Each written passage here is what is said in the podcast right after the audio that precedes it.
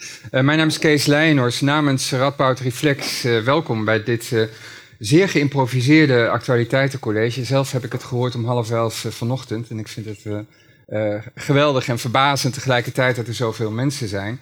De aanleiding mogen duidelijk zijn. Ik kan mezelf nog vrij levendig herinneren dat we eenzelfde actualiteitencollege hadden daar in de hal. de dag nadat de redactie van Charlie Hebdo werd vermoord. En nu zitten we hier weer, uh, maar nu en weer uh, naar aanleiding van iets wat in Frankrijk uh, en in Parijs, om precies te zijn, is, is gebeurd, maar nu op een grotere schaal. Um, er zijn allerlei gevoelens, allerlei gedachten die bij mensen en bij ons dus ook opkomen. Wat we vandaag wilden doen, en, en dat vinden we een beetje passen bij de doelstelling en de missie van Radboud Reflex, is toch een eerste poging tot reflectie. Um, en vandaar de titel, uh, is het oorlog of is het geen oorlog? Dit naar aanleiding van de uitspraken van François Hollande, de president van de Republiek van Frankrijk, die dat heeft gezegd. Mark Rutte, die dat nu ook heeft herhaald. En de vraag die we met z'n allen willen stellen, is het oorlog of is het niet oorlog? Is het een goede zaak als uh, politici zeggen dat het oorlog is? Welk doel dient dat en welk doel zou het niet kunnen doen? Um, ik moet daarbij meteen aankondigen, this meeting will be partly in English. Um, and this will be thanks to our first speaker, Haley Swetlund, um, who has also been found this morning, and, and, and Peter van der Heijden uh, too. Haley Svetlund works at uh, at the Institute for Conflict Studies here at this uh, university, Faculty of uh, Management Sciences. Peter van der Heijden also works here at the university, parliamentary historian and uh, polit politi political scientist, uh, uh, uh, something with polit- everything to do with pol- politics. So we're very happy that they said uh, yes at such an amazingly short notice. Um, before we start the first talk with uh, Haley, we'll have a, a column by by Lisa Douland, which will be in in in Dutch. And Lisa Douland got a phone call in the train to Nijmegen and has written her column in the train. Lisa, woord is aan jou. Ja, ik heb mijn column dus in de trein geschreven en dat zit er ook een beetje in. Ik keek zaterdag met andere ogen naar de Sinterklaas-intocht. Mijn gevoelens van onbehagen onderdrukte ik met de gedachte dat er een vertraging van een minuut of vijf op deze live-uitzending zou zitten. Mijn kind zou niet hoeven zien hoe Sinterklaas werd neergeschoten, bijvoorbeeld. Of naar geschreeuw, een menigte die in beweging zou komen, gedrang dat zou ontstaan, kinderen die in het water zouden vallen. De discussie over de huidskleur van Piet leek tot een grijs verleden te behoren. Een van de eerste dingen die na de aanslagen in Parijs werd gezegd was, zoals dat altijd hoort bij dit soort gebeurtenissen, dat het leven gewoon door moet gaan. Dat we niet moeten buigen voor de terreur. Maar toch stond ik gisteren een stuk minder rustig aan de kade om de Sint ook in Amsterdam te verwelkomen. Het was rot weer. Dat verklaart ten dele waarom er zo weinig kinderen waren. Maar dat was natuurlijk niet de enige reden. Wil ik vandaag ergens zijn waar veel andere mensen zijn? En wil ik daar met mijn kind naartoe? Veel mensen zullen de streamende regen hebben aangegrepen om thuis te blijven, binnen waar het warm en veilig is. Ik merkte dat ik daar mijn best moest doen om een feestgevoel op te roepen. Steeds dwaalde mijn blik af van de pietenboten naar de daken. Keek ik om me heen of ik agenten zag. Vroeg ik me af of er op die boten ook als Piet vermomde agenten meevoeren stelde ik me voor dat ook hier een gek met een Kalashnikov, hoe ziet zijn ding er trouwens uit, op zou duiken. Merkte ik dat ik onwillekeurig op zoek was naar een plek waar ik met mijn dochter zou kunnen schuilen. Ik moest denken aan de damschreeuwer. Van achter de tv hoorde ik toen de schreeuw, daarna een harde knal, en later bleek een vallend dranghek, en zag ik de mensenmassa in beweging komen, geschreeuw, paniek. Waarom waren we toen ook alweer zo bang? En waar komt het gevaar nu vandaan? De aanslagen waren een acte de guerre, zei François Hollande. We zijn in oorlog met de IS, zei Rutte. Maar met wie zijn we in oorlog dan? En, moeten, en, waar moeten we die oorlog dan uitvechten? Komt het gevaar niet veel eer van binnen? Er wordt gezegd dat de, aanval een, ja, de aanslagen een aanval zijn op de westerse waarden, op onze vrijheden. En dat IS die in het hart van de westerse wereld heeft willen raken. Parijs, de bakermat van de verlichting. Maar zit de rot niet veel eer in die bakermat zelf, of beter gezegd aan de randen daarvan, in de banlieues van de lichtstad? Of zoals blijkt nu in, misschien in Molenbeek. Maar, nou Ik ben vooral bang voor de angst, voor het vecht- of vluchtsysteem dat nu in werking treedt en ook mij bekruipt. Als die niet al had geheerst, daar op de Dam in 2010 was er niets gebeurd. Er had dan een man geschreeuwd, men had gedacht dat er een gek stond, om hem vermanend aangekeken en was daarna doorgegaan met de twee minuten stilte. Terwijl ik deze column schrijf, schreef, zit ik in de trein naar Nijmegen. Onderweg staat de trein een minuut stil. De stilte wordt verbroken door een wat verwarde man die steeds al heen en weer drentelt in de trein en nu in gebroken Engels informeert of we al bij station Arnhem zijn. Het is een vreemdeling, dat is zeker. Een meisje legt hem fluisterend uit dat we stil zijn vanwege Parijs. De verwarde man zat eerder achter mij, was druk aan het bellen, in het Frans. Onrust. Pas toen ik snel een blink achterover had geworpen en gezien had dat hij blank was en begin 50, lukte het me om weer verder te denken en verder te schrijven. Zijn we in oorlog? Ik weet het niet. Maar de terreur doet zeker zijn werk. Dank u wel. Well, thank you to the organizers and to Radboud Reflects for providing a space for discussion and reflection on the events that occurred in Paris on Friday.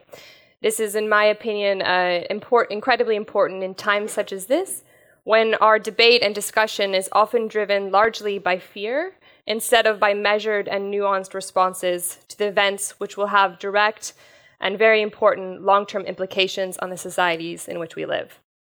The events in which occurred on Paris on Friday are unfortunately not an anomaly, and it is important to remember that the many lives which have been lost and disrupted by this conflict beyond Paris, in Beirut, the Sinai Peninsula, Syria, and elsewhere. The tragic events in Paris on Friday do, however, represent a pivotal moment in history, and therefore it is important to reflect on how we as a society will, will respond to them. So many of us are understandably quite shook by the events of Friday, not only because they remind us that this conflict has very immediate and direct implications on our daily lives, but also because we, we have an emotional attachment to Paris, so the city of light, the city of love, and what it stands for. While our emotional response to these events is quite understandable and needs to be recognized and given a, a space and, and to be acknowledged, we also need to be quite careful to make sure our response at a political level is not driven by fear. So, as an American, I observed quite directly uh, what I perceived to be a policy largely driven by fear in the wake of 9 11. In the days following 9 11, I saw a fear promoted, that promoted a response which often failed to take into account the longer term implications of our actions. It was often immediate and reaction based, rather than measured and based on analysis of not only the possible implications of our response, but also on the motivations of the attackers and the mastermind behind the attacks on the Twin Towers and the Pentagon. In situations such as this, I think it is essential to be able to take a step back from fear for two key reasons. So, first, our response to these events needs always to keep in mind why people engage in acts of terror and terrorism to begin with. If the goal of terrorism is indeed to inspire terror or fear, then having a policy which is based on this knee jerk reaction only serves to reinforce the reasons why people engage in these acts to begin with. Second, and as I have already hinted at several times, fear can often promote a response that is often rash, reactive, and lacking nuance. We need instead to be making decisions that take into account the possible long term implications of our actions. What, has what is decided in the coming days, indeed, what may have already been decided and already put into motion, will have effects on our society for, for decades. And it is therefore essential that our response is not driven by an immediate pressure to show that something has, has happened, that something has been done. Rather, our response needs to be based on a nuanced analysis of the situation. This is often the first thing to go when fear is driving the decision making. The question posed by this event is whether we are now at war. I would ask us to reflect a bit more on what it means to be at war. This term has political consequences, and once we go down that road, it is very difficult to return. And it matters how we label events and our own actions. So the events of Paris drive home the importance of the situation and no doubt will be seen as a critical juncture just as 9 11 was. However, we also have to be careful to recognize that where we go from here is not inevitable. The more we are able to remove fear from our decision making calculus, the easier it will be to make decisions that are based on the long term implications of our actions and decisions that take into account essential nuances and details of the situation. With that in mind, I would call on us as a, as a university community in the coming days to do all that we can to encourage a discussion that is not driven based on fear, but is based on the need to provide a measured response to the events in Paris, that tragedy, to the threat of ISIS, and also to the threat of terrorism more broadly. Thank you. Maybe, no, can you stay, stay okay. here? Yeah. thank you. Uh, thank you very much. M maybe a, a, short round of questions to you. Sure. Um, so uh, we haven't had much time to think about it, but if you if your point is that uh, our decision making, our discussion about um, about the response to these mm -hmm. events should not be based on fear, should be more rational, should be ba uh, based on an estimate of the situation. Have you any idea how that should look, look like? That's my first question. And the second question, you seem to be um, afraid of something yourself. Yep. You're drawing the parallel with 9 11 mm-hmm. uh, and probably what followed after mm-hmm. that. What exactly is it what you think we should not do? Maybe you should start with the first question. I mean, I would I would emphasize by saying, you know, I'm I'm not an expert on this part of the world or um, on uh, terrorism more broadly. Of course, I am a scholar of conflict studies and, and bring my experiences to bear on those issues. Um, so I am would be hesitant, particularly since I we all are still learning important information about what occurred and kind of who were the um, the behind the attacks and kind of what are the motivations, I would be hesitant to kind of make a, a, an action about what needs to be done.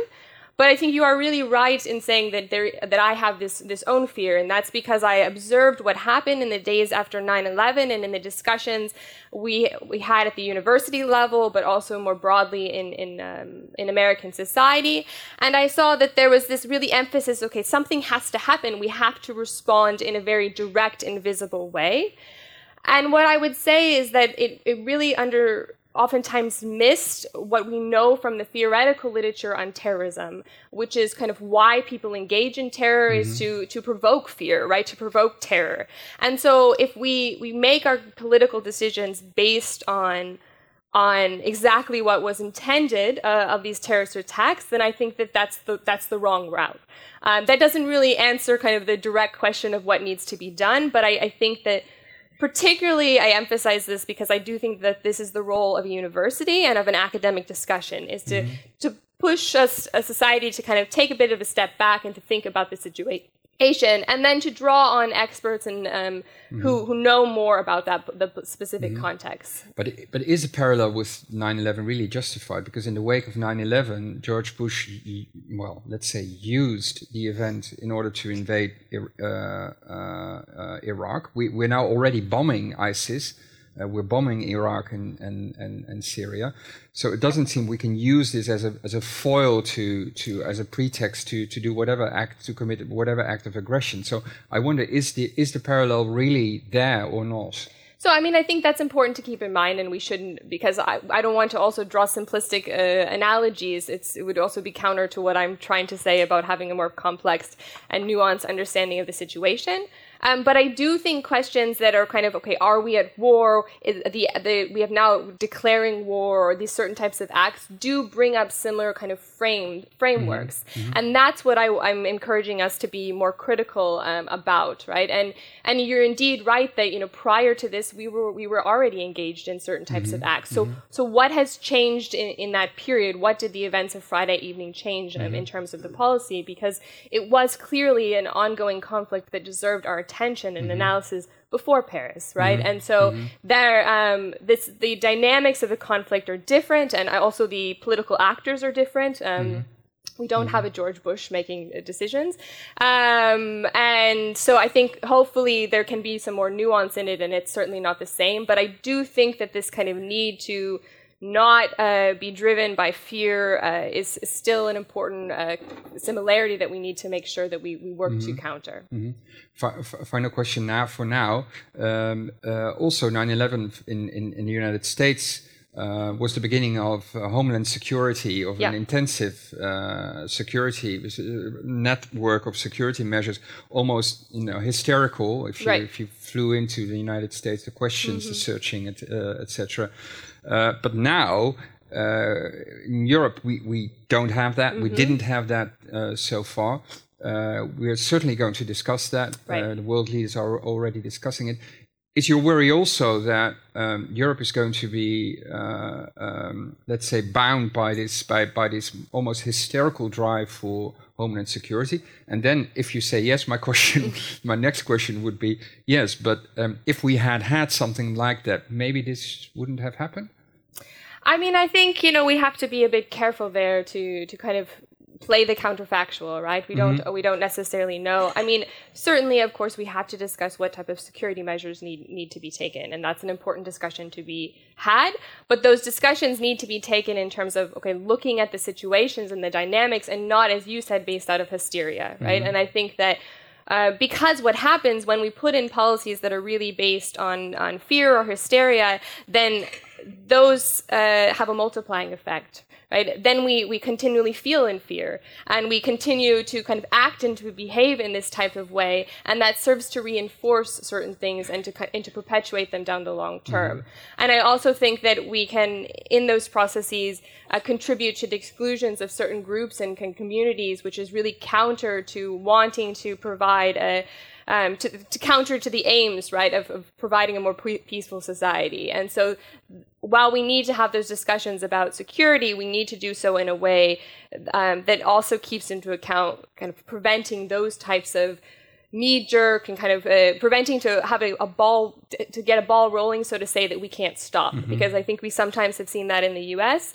Uh, a process started, and then it once people kind of realize some of the implications of it and policies were already in place and a certain dynamic and a certain discussion was already in place that made it very difficult to, to retract from. Ja, oké, thank you. Peter, als jij eh, onze discussie kunt joinen. Ehm, in ons land heeft Mark Rutte eh, vrij, vrij om, wel onmiddellijk na de aanslag gezegd dat we inderdaad in oorlog eh, zijn. Eh, François Hollande zei nog dat, dat de daad zelf een acte de guerre was. Hij heeft Ja. niet per se gezegd dat we in oorlog... Mark Rutte heeft gezegd we zijn in oorlog. Eh, wat moeten we daarvan denken, van die uitspraak? Jij als parlementair eh, historicus, jij weet iets van oorlogsverklaringen en dat soort zaken. Wat moeten we hiervan denken? Niet zo heel veel. Het was een beschrijving van een feitelijke situatie. Wij zijn al maandenlang aan het bombarderen boven Irak. We bombarderen dus de, de mensen die die aanslag gepleegd hebben. Eh, dat eh, is een soort van oorlog natuurlijk. Eh, ik denk als je aan de strijders van IS vraagt wat ze liever hebben, iemand die zegt dat je in oorlog bent of bommen op je hoofd, dat ze eerder dan die verklaring willen hebben, zeg maar. Maar eh, zeg maar, een juridische oorlogsverklaring is het ook niet. Dat, het, ehm, daar gaat bij ons de Tweede Kamer over.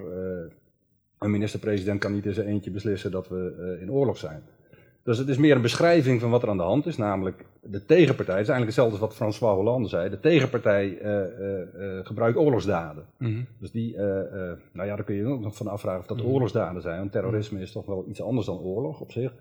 Maar je zou het als een soort van, van guerrilla-oorlog kunnen zien, die naar het westen gebracht is. Maar volkenrechtelijk eh, stelt de verklaring van Rutte in ieder geval niks voor. Ja, nou hebben we net, het verhaal net was, eh, eh, als ik even vrij, vrij mag samenvatten. Eh, we, we werd eigenlijk gewezen of we moeten hier, hier vooral goed over nadenken. We moeten rustig zijn en niet. Ja. meteen in de hysterie eh, schieten. Dan zou ik dat, dat eh, is niet helemaal letterlijk gezegd, maar dan zou ik dat kunnen vertalen als...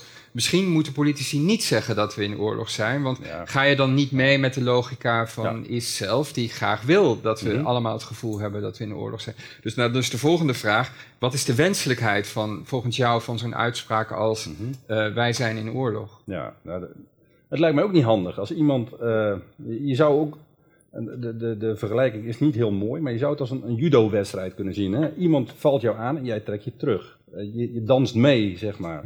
Maar wat er nu gebeurt, eh, je maakt van een judo-wedstrijd een bokswedstrijd. Je gaat zelf ook vechten. En daarmee, eh, je geeft eigenlijk ja, brandstof aan het idee dat het inderdaad een heilige oorlog is. Want je gebruikt zelf die terminologie ook. Mhm. Als je zelf ook het een oorlog gaat noemen, dan wordt het een ander verhaal dan wanneer alleen de tegenstander zegt dat het een Ja. oorlog is. Nou, ja, wat dat betreft vind ik het onwenselijk. Ja. Mhm. Maar nou kan ik me voorstellen, ik zou niet, niet nu graag, ik zou sowieso niet graag Mark Rutte zijn, maar nu Mhm. sowieso niet. Eh, om, om, omdat het tegelijkertijd natuurlijk vanuit het publiek, eh Lisa noemde het ook Mhm. al, eh, we zijn met z'n allen toch best wel bang. En dat is denk ik Ja. gewoon een, een, een feit. Nou denk ik wel dat we, zeker in Nijmegen, niet heel erg hoog op de. IS-hitlist staan, maar we willen ook wel eens naar een concert, we willen ook wel eens naar een museum, we willen ook naar de intocht van Sinterklaas.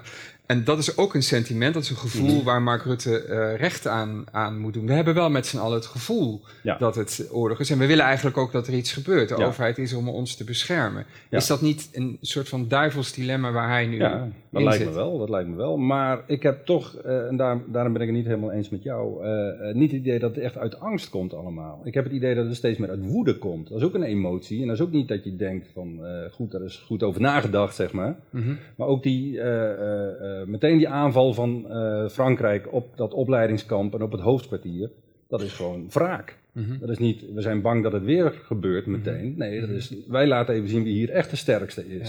Ja, ja. En jullie, kunnen, jullie krijgen ons niet klein. Dat is niet uit angst, denk ik, maar uit, Ja. uit eh, spierballen, machtsvertoon. Ja. Eh, ik zie dat veel meer bij de politici. En eh, daaronder bij, bij heel veel eh, burgers zie je toch wel angst, inderdaad. Mhm. Maar die angst die wordt ook niet benoemd, die wordt bezworen. Er wordt steeds van gezegd, we moeten niet bang zijn, we blijven gewoon doen wat we doen. Dat zie je in Parijs ook heel sterk, hè, dat mensen juist bij elkaar komen. Het mocht dan nu even niet, maar naar Charlie Hebdo zag je meteen grote demonstraties. Die zie je ook hier als er zoiets gebeurt. Mhm. Ehm, mensen proberen die angst in ieder geval in- op die manier eh, te verwerken tot iets eh, eh, wat ze sterker maakt, zeg maar. Mhm.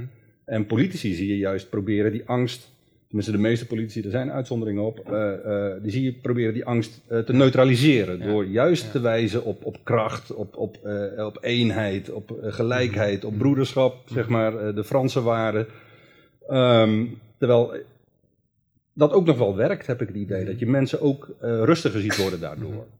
Could, you- could you rea- react to that? So the point is, maybe the, the, the, on the part of the polit- politicians, the, the thriving emotion, the driving emotion is not so much um, fear, but if, if anything, it's, it's anger. And also, there's this attempt to subdue the fear, the fear that we as uh, citizens of uh, the various European countries just uh, feel. So could you With really, one I mean, nuance if- in Europe. in Europe, I yeah. think in America it was it was different. Yeah, well, I mean, I, I don't know. I mean, I think I have to look at the, the rhetoric, but I also think that there is a there's a close connection emotionally between mm-hmm. fear and anger, mm-hmm. and that sometimes it's also a bit difficult to, to distinguish between mm-hmm. those 2 Um, and I think also the the pressure to show that you know we as a as a politician are doing something right that we have we are providing some type of action, um, whether it's based on kind of anger or fear. I think those are important conversations to be had, and I think anger is certainly a, a part of it.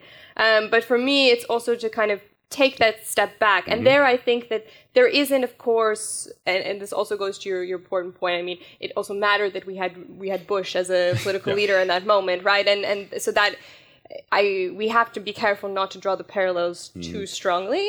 Um, but I think that I'm it still do think that the space of the kind of university is to try to push us, try to take a step back, whether it's anger or fear. So that would be kind of my my thought. Yeah, but then it would be stepping back from emotions anyway. Yeah. So it would be like much more the voice of reason as opposed to anger, fear. It doesn't matter which emotion, but at, at least step back from the primitive, well, not primitive, but direct emotions that we feel with these events. Could I yeah rephrase your well and i think way? it's important to still give a space to emotions right? So we can have we can have these reactions and of course it's mm. it's not it's not so surprising that we feel a bit of fear or mm-hmm. or, mm-hmm. or anger or whatever that emotion is and that we can provide a space still for people to express that. My point is really that political decisions can't be made based on that and that alone. Um, and there i think that having these types of spaces to reflect on it can can help us uh, in that direction. Although in the end we aren't the ones that are making uh, the policies Even vooruitkijkend hè, eh, in, dit, in dit land. eh, we moeten kijken wat er allemaal gaat gebeuren. Eh, de, de, events zijn eigenlijk nog in volle gang. Ik hoorde net Mhm. weer dat er een arrestatie is verricht. Het, het masterplan schijnt inderdaad uit Brussel, uit Molenbeek te komen. Trouwens ook wel een soortement van banlieue in de Parijse stijl. Ehm, dus dat weten we nog allemaal niet. Maar als je toch probeert even vooruit te kijken.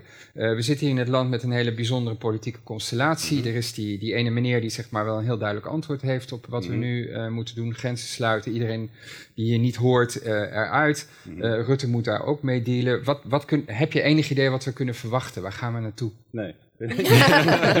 nee. Ja, net zoveel als jij, denk ik. Uh, en, uh, maar probeer eens te raden. hier.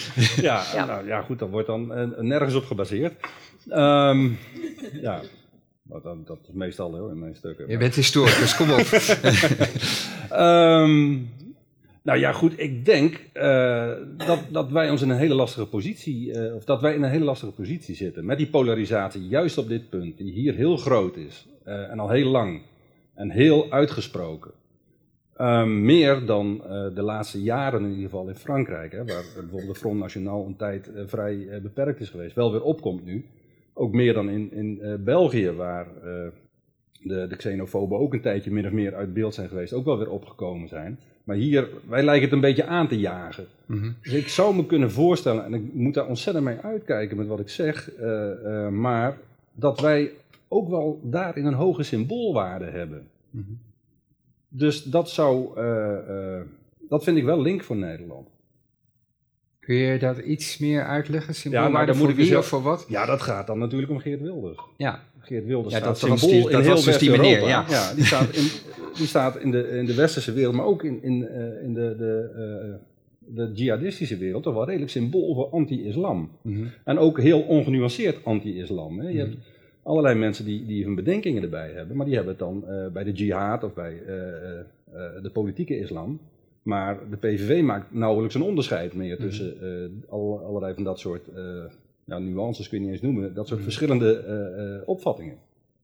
Dus ik kan me voorstellen dat je, dat je daarmee dat je, je heel kwetsbaar maakt. Mm -hmm. En dat gaat voor Geert Wilders zelf natuurlijk, maar ook voor Nederland als het land waar hij toch beleidsmatig weliswaar niet zo heel veel op dit moment, maar op de achtergrond toch een vinger in de pap heeft. Mm -hmm. Als je kijkt hoe die in de peilingen staat, hoeveel mensen het met hem eens zijn, zeg maar, dan uh, ja. Ja, vermoedelijk gaat dat door dit soort dingen niet echt afnemen. Uh, nee, dat verwacht ik, ik, ook niet. Denk ik nee. dan maar. Um, the floor is open for questions. Uh, je kunt je vragen in het Engels en in het Nederlands, helaas niet in het Frans, stellen. Any questions, vragen? Ja. Er komt een... Uh, the, the, the deal is there is a microphone that's coming towards you. So wait, wait until you get the microphone and speak loudly into the microphone. Ja. Oké, okay, zou um, die stap terug, waar jullie het over hebben, zou die eigenlijk niet moeten zijn de vraag: waarom zijn we eigenlijk in oorlog? Mhm. Mm -hmm. Waarom doen we mee aan het uh, beschieten van IS en waarom schiet IS dus ook terug? Mm -hmm. Yeah, so the question is why should the question the, the, the, the, retracting should the question not be why are we at war if we are at, at, at war and um, uh, is IS not shooting back? Didn't we start? Didn't we start first? Should I? Yeah, yeah. I mean, I, I, guess I would want to reflect upon that a bit. I, I think it's an improvement on the question, but I still think that it's we use this word war, right? And we still have that we have to understand the political implications of that. And once we kind of label it as such, and um, maybe it was already labeled as, as it before in, in some cases, then um, it it also puts in motion a lot of things. Um, but I think that the sentiment behind that is certainly true in the sense that we need to kind of understand the dynamics behind the behind the conflict to begin with. I still think it asks us to to think about. We still need to really engage with this question: Okay, why do people engage in active terrorism? Mhm. Right? What is what is the purpose uh, um, of people doing so, and and then what are the expectations that are expected on, on our response? Because that also, I, I think, that's really missing in our discussions on terrorism. Oftentimes in the in the in the public discussions, um, and if it is really about inspiring fear, then we have to be really quite careful in making sure that our actions don't continue to perpetuating that that terror um, throughout, uh, yeah, over time. It's actually quite interesting that after the Charlie Hebdo thing, uh, this was sh- a short-lived discussion. I had the impression because in, in that case it was clear the people that committed these acts did come from the the, the, the banlieue of, uh, of Paris. No future, uh, uh, no education, nothing. Uh, and, and in the end, they, they cloaked their actions into the religious vocabulary that was uh, at their disposal uh, through preachers actually financed by Saudi Arabia, but that's an entirely different matter. Um, it could be that in this case we get the same thing, but the discussion somehow has ended. So if you talk about causes, there might be social causes, might be economic causes, and almost in the old uh, fashioned Marxist sense. Should we should we look there? Do you think? Of course. I mean, I think it's also important to, to figure out why it is that, that people often can sometimes feel marginalized in communities, and also how that contributes to responses that can be economic, social, political, all kinds of different things. I mean, I, I would say that you know we don't we are still getting information also about who who were the the actors in this. But I, I do think that also the response that we're seeing kind of why it's in some ways different also beyond this kind of scale of it than the than the attacks we previously saw in Paris is also the, the type of places that were targeted, right? So it was targeted really in a um, in spaces that uh, of nightlife, right? In spaces of kind of the symbols of Paris, right? And in these kind of spaces, and that I think affects people um, in a in a different way. Um, but on the other hand, they were of course both uh, similar in, in their yeah. intentions, right? To yeah. to inspire. Um, so yeah, but I also think it, the, the reasons behind terrorism are complex, and we're not going to be able to to pick them apart in yeah. this discussion. But I think it's. It, that is certainly something um, that I failed to see in the discussions after 9-11 is a kind of complex discussion of why people engage in terror to mhm. begin with. Mm -hmm. Oké, okay, wat is een vraag hier? Niet zozeer een vraag, maar misschien eerder een uh, toevoeging in het, uh, in het debat. Mm -hmm. Dus de, jullie hadden het over een parallel tussen uh, 9-11 en Charlie Hebdo.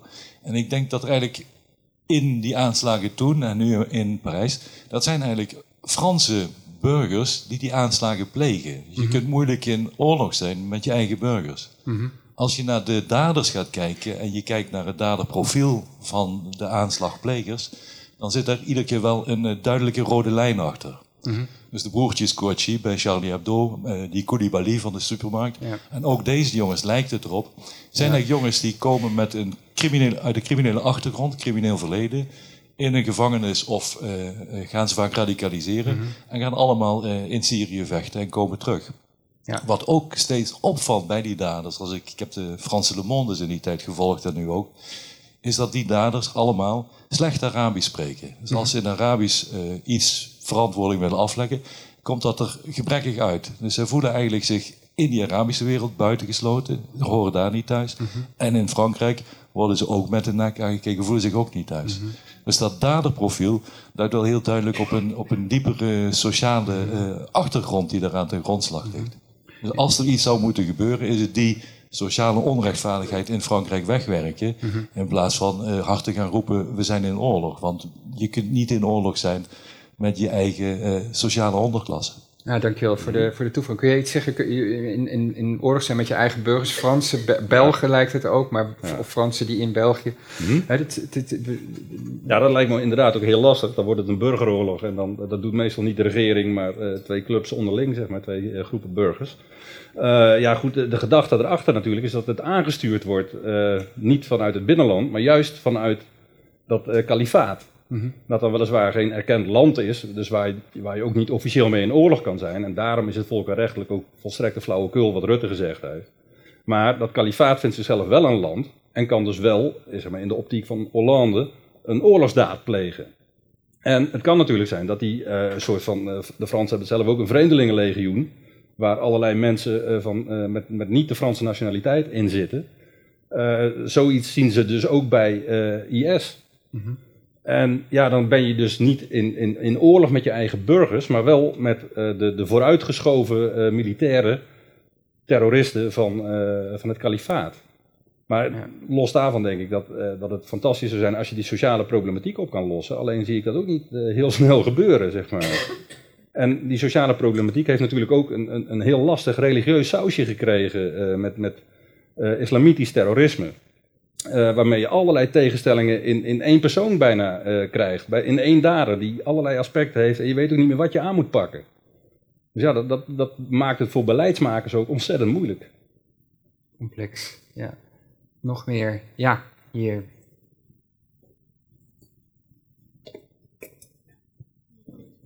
Uh, wat me altijd opvalt is dat na een, een terroristische aanslag dat het altijd heel erg op het terrorisme gefocust is. Waarom is het gebeurd en uh, hoe moeten we erop reageren? ik denk dat het ook wel belangrijke vragen zijn. Maar tegelijkertijd zie je ook zeg maar, dat een dag daarna was de, waren de vredesonderhandelingen in Genève, dacht ik. En die worden dan juist daardoor uh, overschaduwd door uh, dit soort reacties. Dus zouden ook niet meer. Ja, ik vind dat wat bijzonder dat het uh, over oorlog zelf zijn, zeg maar, in een oorlog met Syrië, bombarderen Syrië. Maar we hebben het er nauwelijks over. Hè. We hebben het alleen over terrorisme als het zeg maar dichterbij komt. We zouden ook niet meer juist over. Uh, nou goed, dat zal een van de redenen zijn, denk ik, van de terroristen, juist om het naar Europa te brengen. Zodat wij ons uh, bewust zijn van wat er gebeurt in, in, in Syrië en in, en in Irak. Als nuance wil ik wel zeggen, wij bombarderen niet in Syrië. Hè. Wij bombarderen wel in Irak, Nederland, maar niet in Syrië. Uh, waarmee het überhaupt ook geen oorlog van ons is, want wij zijn gevraagd door Irak om daar te helpen. En, uh, dus wij bombarderen in commissie eigenlijk voor, uh, voor Irak. Als wij Syrië zouden bombarderen, waar we niet voor gevraagd zijn, dan zou het een oorlogsdaad zijn van, van Nederland. Dan, dan bombardeer je een ander land zonder dat het daarom gevraagd heeft, zeg maar. Dat mm -hmm. heet gewoon een oorlogsverklaring. Mm -hmm. could, could, you react on that? Uh, the question is that we always have this kind of debate shortly after terrorist acts, and we focus on the terrorism and the causes of terrorism, but we don't really look at the, the processes behind behind the fact that there is a kind of war with, with Syria. Could you could you react to that? I'm not so sure that I would I would entirely agree with that. I mean, uh, maybe it depends on the spaces in which you where you have the discussions, but I, I do think to some degree a lot of our responses are sometimes at least and maybe again I'm, I'm drawing too many parallels from the, the American response, but um, it's a kind of response of a it does my perception is is that oftentimes that it's, it's not actually looked at what are the causes of terrorism but rather more as seeing it as terrorist acts or kind of or group terrorist groups as if they were kind of this uh, this enemy of the kind of the old traditional warfare um, and engaging with them in that way instead of considering much more about kind of why people act um, why people as we were talking as you were mentioning why people decide to bomb in in Paris right and not in Syria right? Of course I think your point is still well taken that we can't forget the dynamics of what's happening on the ground and what are the political objectives. Um, but I think that uh, it's still important to keep in mind well, why, why are certain targets chosen abroad and elsewhere, and how does that relate to the political motivations of those actors wherever they're, where they're located. Um, and in that way, we see that uh, terrorist groups, of course, have um, they use these acts in, in a way to help them to advance their political objectives, be it this the establishment of, of, a, of a, a, state, um, be it also um, to inspire an, an overre or a reaction by other actors. Okay, thank you. Any meer vragen hier?